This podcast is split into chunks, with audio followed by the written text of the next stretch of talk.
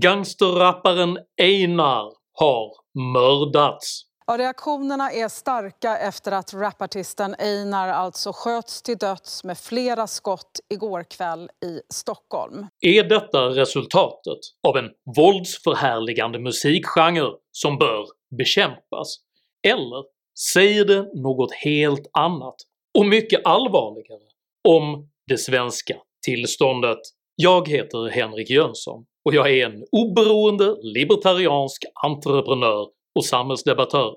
Är gangsterrappen historiskt unik i sin våldsamhet? Varför blev denna musikgenre plötsligt så populär i just Sverige? Och vad säger detta om det svenska tillståndet?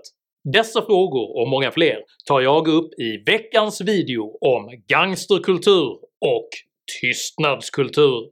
Jag är nog så långt man kan komma från en gangster och därför ber jag dig som uppskattar mina filmer att frivilligt stötta mig via något av betalningsalternativen här ute till vänster. Det är nämligen endast tack vare ert generösa stöd som jag kan fortsätta att producera aktuella nya videos varenda vecka, så ett stort STORT tack till alla de av er som bidrar. Är du ny här på kanalen så kan du dessutom med fördel prenumerera här nedanför. Se också till att klicka på den där våldsförhärligande klockikonen men prenumerera framförallt på mitt kostnadsfria nyhetsbrev som finns länkat i videons beskrivning, så missar du garanterat aldrig när jag släpper nya filmer, vilket jag gör med laglydig självdisciplin varenda lördagsmorgon klockan 08.00 svensk tid. Idag pratar jag om musik, moral och makt. Häng med!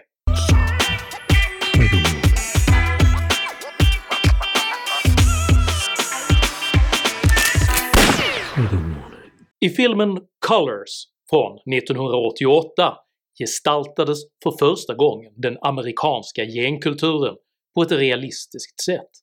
Dramat hämtade sitt namn från konflikten mellan det blå gänget Crips och det röda gänget Bloods, vilka under 1980-talet låg i blodig konflikt med varandra.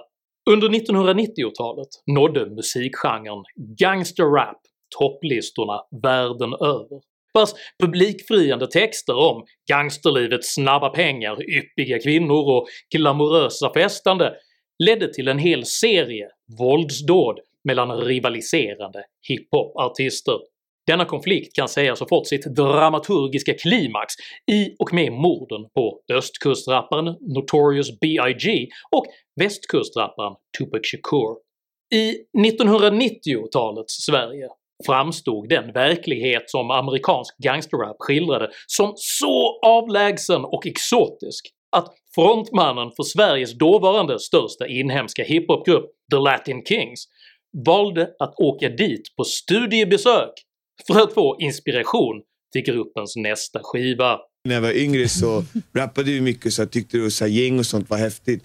Och då var det en dokumentärfilmare som ville ta mig till de värsta gängdrabbade områdena i Amerika. Alltså LA och Ooh. South Central, Compton, för att du Inglewood. skulle liksom få Så se tog mig hur det var dit och så fick jag riktigt. träffa massor med gängmedlemmar och vara med dem och hänga på. Men vänta, var du, inte, var du inte sjukt nervös att åka och träffa upp det här, de här gängen? Eller du var Nej, så alltså, ung och bara jag vad fan det här är nej, Jag ascoolt. tyckte det var supercoolt. Alltså, jag bara wow vad häftigt. Med undantag för Sebbe Stacks grupp Kartellen under 00-talet var gangsterrap-genren i Sverige i stort sett obefintlig fram till 2019 då en hel serie inhemska unga gangsterrappare plötsligt intog de svenska topplistorna. En av de mest tongivande av dessa unga gangsterrappare var Einar, som under sin korta karriär hann bli en av de mest streamade artisterna i svensk modern tid. Vinnaren är Einar! Oj, oj, oj. Vad hände P3? Vad hände Gbg? Är det bra eller? Einar sköts till döds kvällen den 21 oktober i ett dåd som beskrivits som en ren avrättning. Två maskerade män syns i materialet. De är iklädda keps och mask och på bilderna syns också hur en av männen visar upp en pistol. Materialet ska enligt uppgifter ha publicerats kort efter mordet och innan det blev känt vem som var skjuten. I en annan inspelning från samma tidpunkt syns texten “smoked” rökt på svenska och en pistol-emoji. Det är på grund av detta bestialiska våldsdåd lätt att dra slutsatsen att just gangsterrap utgör ett unikt brutaliserande kulturuttryck, men för att förstå fenomenets verkliga betydelse så måste vi gå mycket, mycket långt tillbaka i tiden. För hela historien är nämligen full av brutala maktkonstellationer som hållit sig med egna musiker.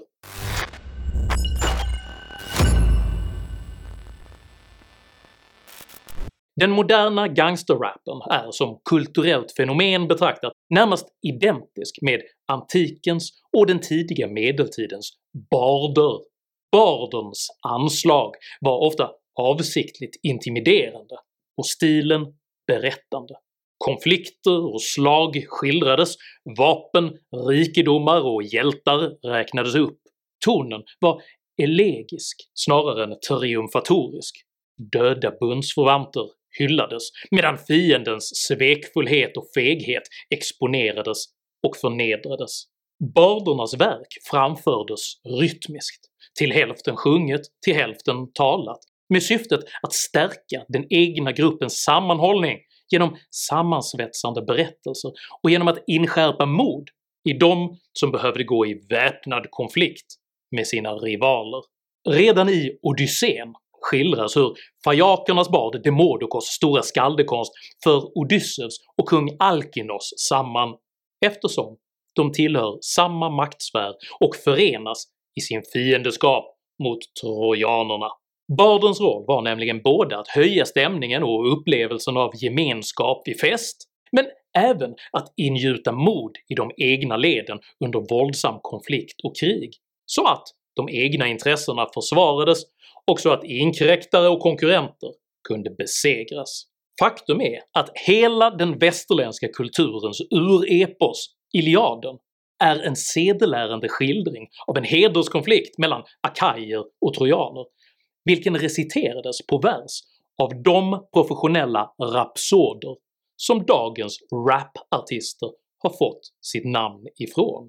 På motsvarande sätt existerar faktiskt i många afrikanska kulturer än idag traditionen med så kallade “praise singers” Dessa förbereder härskarens entré i olika salonger genom att för gästerna först sjunga en rytmisk sång om härskarens alla segrar, rikedomar och besegrade fiender. Gangsterrappen bör på grund av dessa närmast globala historiska förlagor alltså inte tolkas som ett unikt, modernt och våldsamt randfenomen utan som ett av de mest basala och primala kulturuttryck som finns, den koncentrerade manifestationen av den egna gruppens dominans. Och de grupper som just nu uttrycker sin dominans i Sverige säger någonting mycket viktigt om det svenska tillståndet.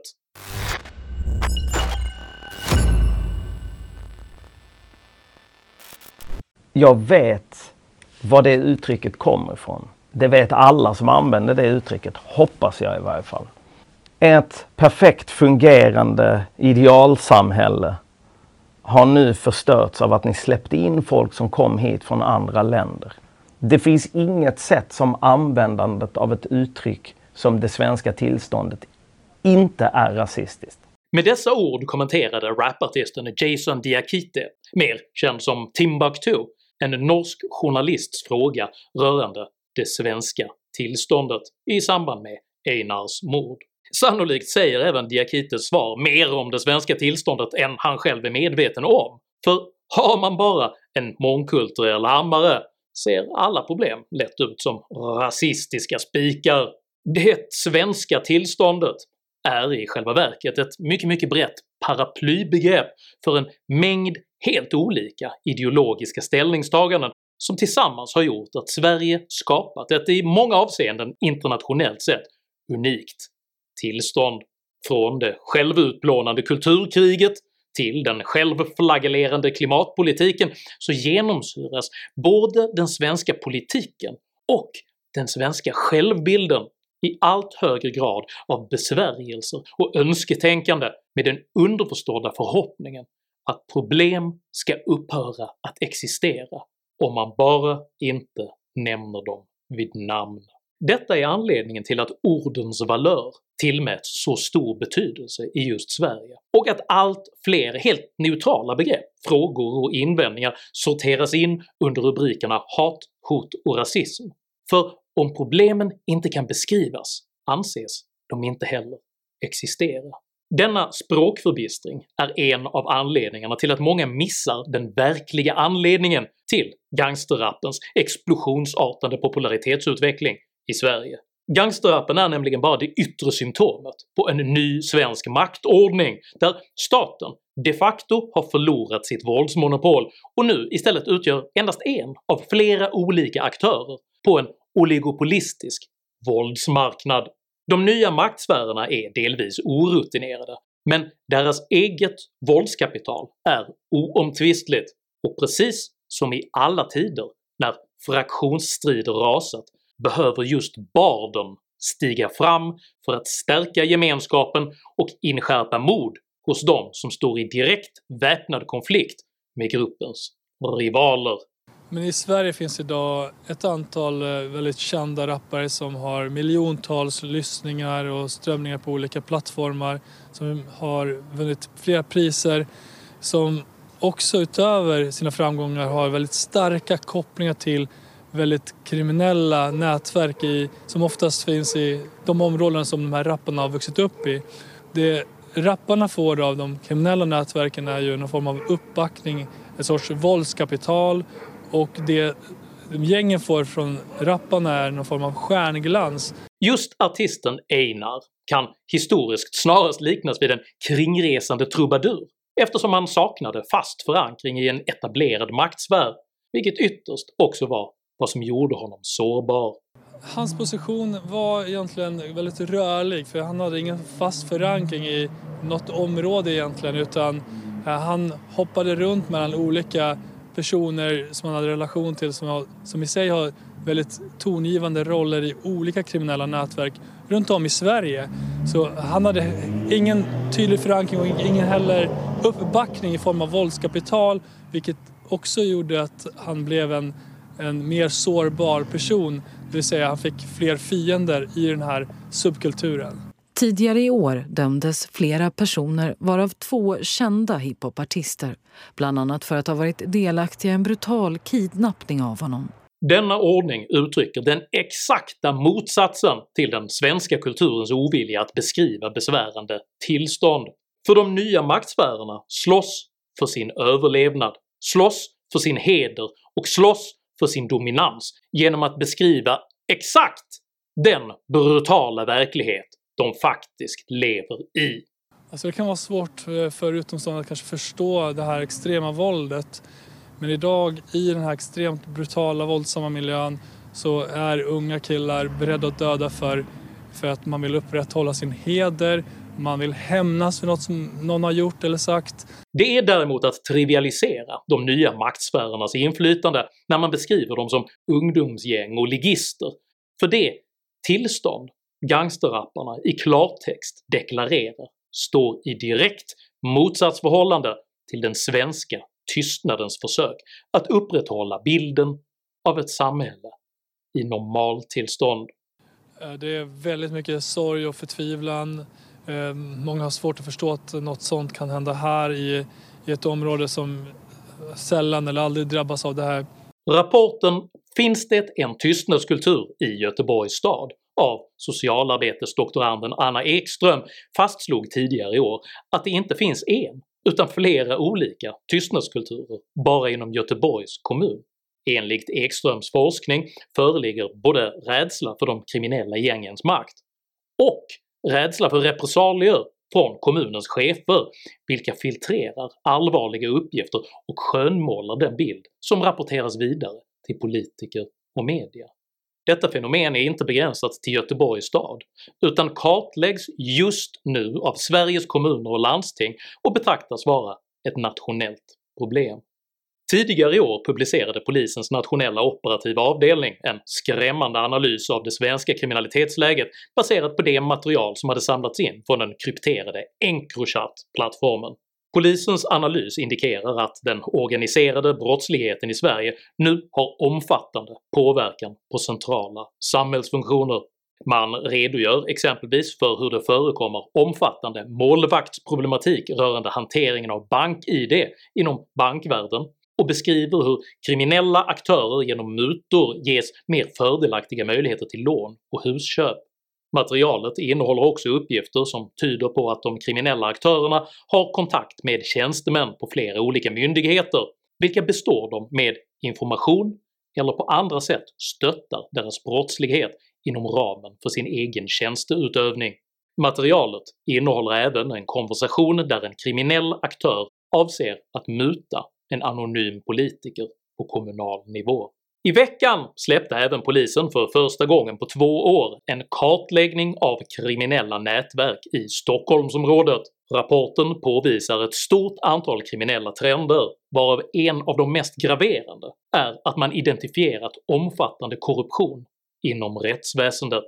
Anna Riese, chef för underrättelseenheten i polisregion Stockholm, säger till Svenska Dagbladet de här nätverken använder möjliggörare och specialister på flera olika sätt, i allt från hjälp med brottsupplägg och falska intyg till att förmedla information mellan häktade individer, och bland de här specialisterna och möjliggörarna så finns det jurister, var några är försvarsadvokater som på olika sätt hjälper kriminella.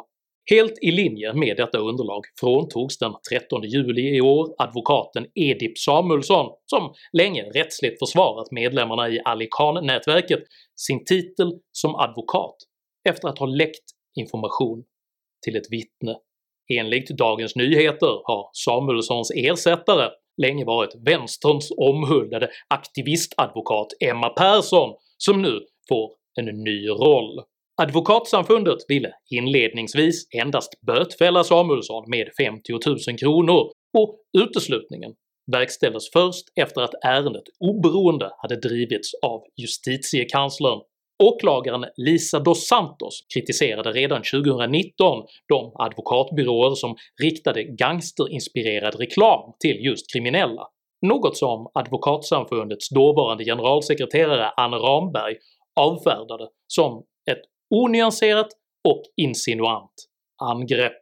Sammantaget beskriver allt detta hur en tyst anpassning till en demokratiskt oacceptabel ordning tillåts äga rum, och detta är det tillstånd som inte får beskrivas. Med allt sämre dold panik klamrar sig istället tystnadskulturens ambassadörer fast vid förklaringsmodeller rörande socioekonomiska faktorer och omfördelningspolitik samtidigt som det saknas verkliga samband mellan inkomstspridningsfrågor och dödsskjutningar, något som även den amerikanske straffrättsprofessorn David Kennedy återkommande inskärpte i SVT's Agenda tidigare i år. The mistake that it looks like we've made for all these years is to think that the violence is always about something else. The violence is fundamentally about the violence.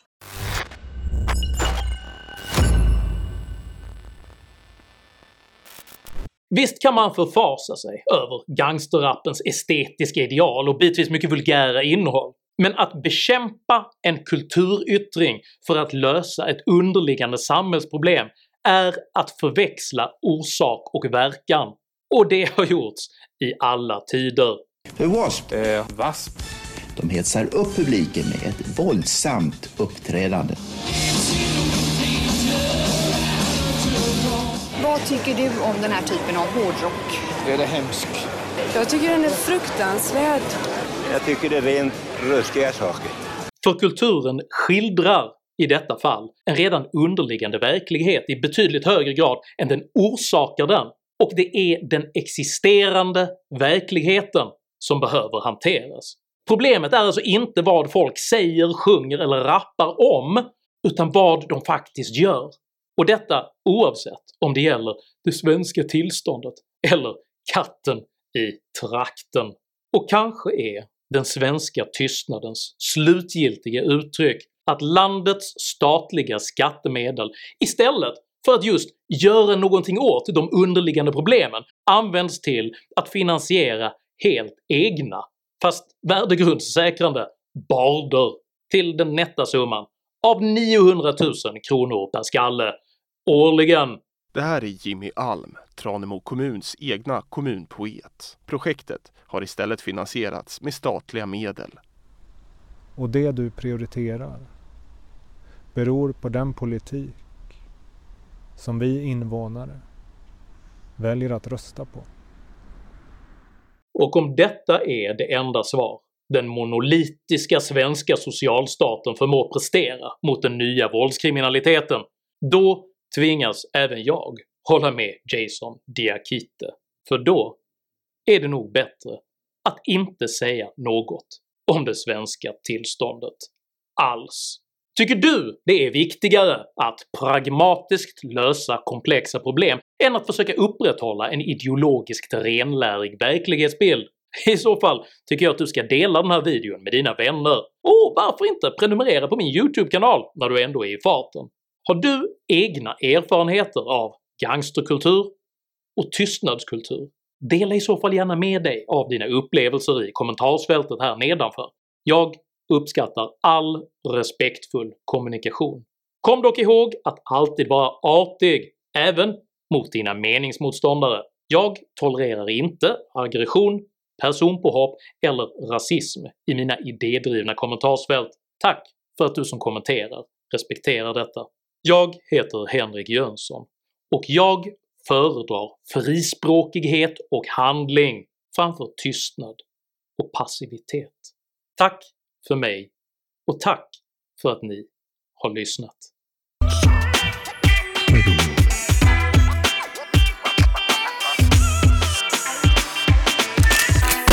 Mm.